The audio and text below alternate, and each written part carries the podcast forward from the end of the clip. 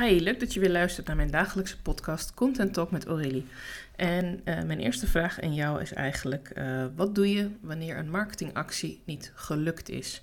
Wat doe je als je bijvoorbeeld een keer iets hebt bedacht en er reageert helemaal niemand op? Of je hebt iets ingepland, een masterclass, een webinar, een cursusdag, uh, een leuke weggeefactie, maar je krijgt maar twee of drie reacties, terwijl je er eigenlijk wel twintig had gepland of gehoopt.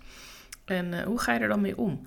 En dat kan best wel pittig zijn om jezelf dan weer overeind te trekken en om te zeggen van hé, hey, ik uh, heb hier gewoon heel veel tijd in gestoken en het is niet gelukt. Uh, ja, hoe doen we dat dan? Ik stop er nu volledig mee, dit werkt totaal niet voor mij. Uh, of ga je het dan opnieuw proberen? En ja, misschien ook even kijken van hé, hey, hoe is het nu gelopen? Welke acties heb ik precies genomen, ondernomen? Wat heb ik precies gedaan? Wat kan ik anders doen? Kan ik ergens nog iets in verbeteren? Kan ik misschien op een andere manier communiceren erover? Wat doe je als jouw marketingactie niet lukt?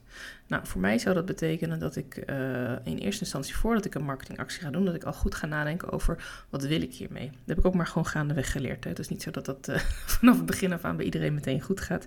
Dus wat ik wil uh, meegeven is als je bedenkt van ik wil iets leuks gaan doen, ik wil een masterclass geven of ik wil iets via Instagram gaan delen voor klanten, denk er goed over na. Wat is je doel van je actie? Wat wil je bereiken? Wil je dat meer mensen jou gaan volgen? Wil je dat meer mensen iets gratis van je downloaden? Wil je meer gesprekken met klanten voor in je salesgesprekken? Uh, wil je meer volgers? Er zijn natuurlijk heel veel verschillende doelen die je kunt hebben met een marketingactie. Misschien wil je concreet heel veel deelnemers voor een, uh, een gratis webinar of voor masterclass of een challenge. En uh, dan moet je ook goed bedenken voor wie is het? En als je dan weet van uh, wat wil ik er zelf uithalen, ja, wat gaan deze mensen daar dan uithalen? Dus wat is het doel wat je gaat verkopen? Wat is het resultaat dat de mensen krijgen die uh, meedoen met jouw uh, actie? En dat hoort allemaal bij je doelstelling vooraf. Het hoeft echt geen heel lang vol A4 te zijn. Je kunt gewoon met een paar regeltjes dat voor jezelf opschrijven. Ik wil graag dat er twintig mensen meedoen met mijn gratis masterclass.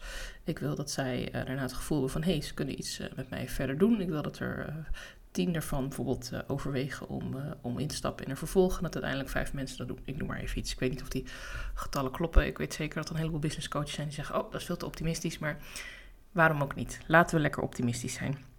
En dan weet je in ieder geval een beetje van oké, waar ga ik het voor doen? Wat zijn de aantallen die ik nodig heb? En uh, nou, dan weet je als je 20 deelnemers wil hebben, dan denk ik dat je toch wel tegen de 100 mensen moet bereiken met je boodschap. Misschien eigenlijk ook wel veel meer.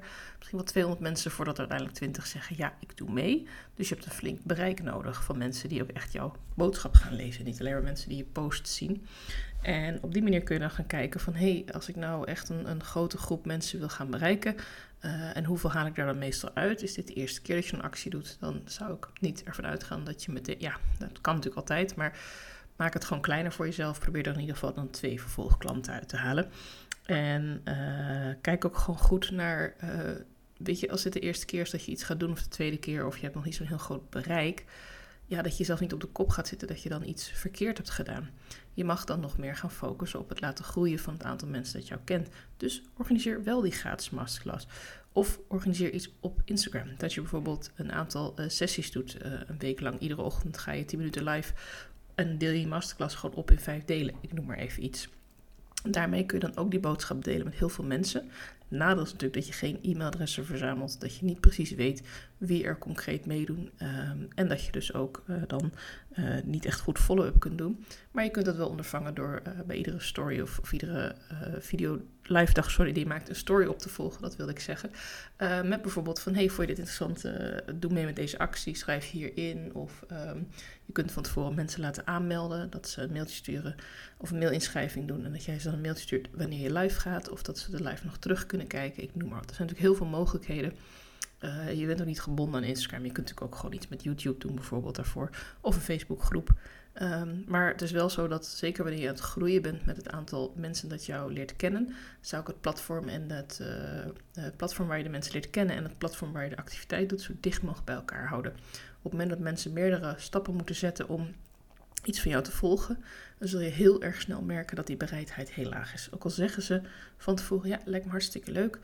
Uh, zeker als je nog niet heel erg lang bezig bent, als je nog niet heel veel hebt neergezet, ja, dat kost gewoon tijd.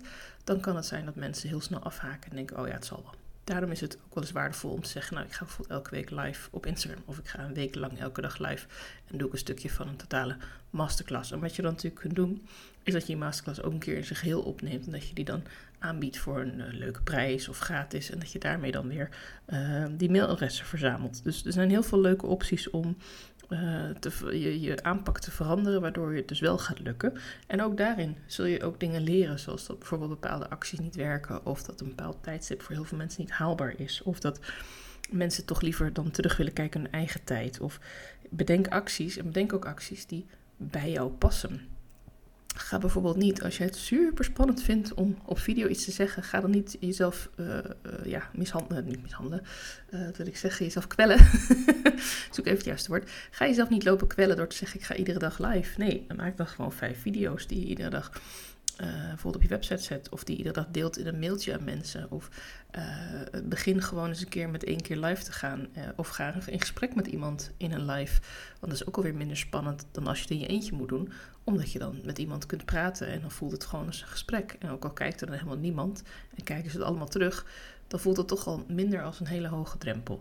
Dus vooral als je een actie bedenkt om dus meer volgers te krijgen, om meer aanloop te krijgen in je marketing, zoek ook naar acties die passen bij jou. En daag jezelf heus wel een beetje uit erin. Je hoeft echt niet altijd weer dezelfde actie te doen als je al vaker live bent gegaan, of als je al een podcast maakt, of als je al bepaalde dingen die lopen lekker. Kijk hoe je dat nog wat uh, lastiger voor jezelf kunt maken, hoe je het nog even wat meer kunt uitstretchen.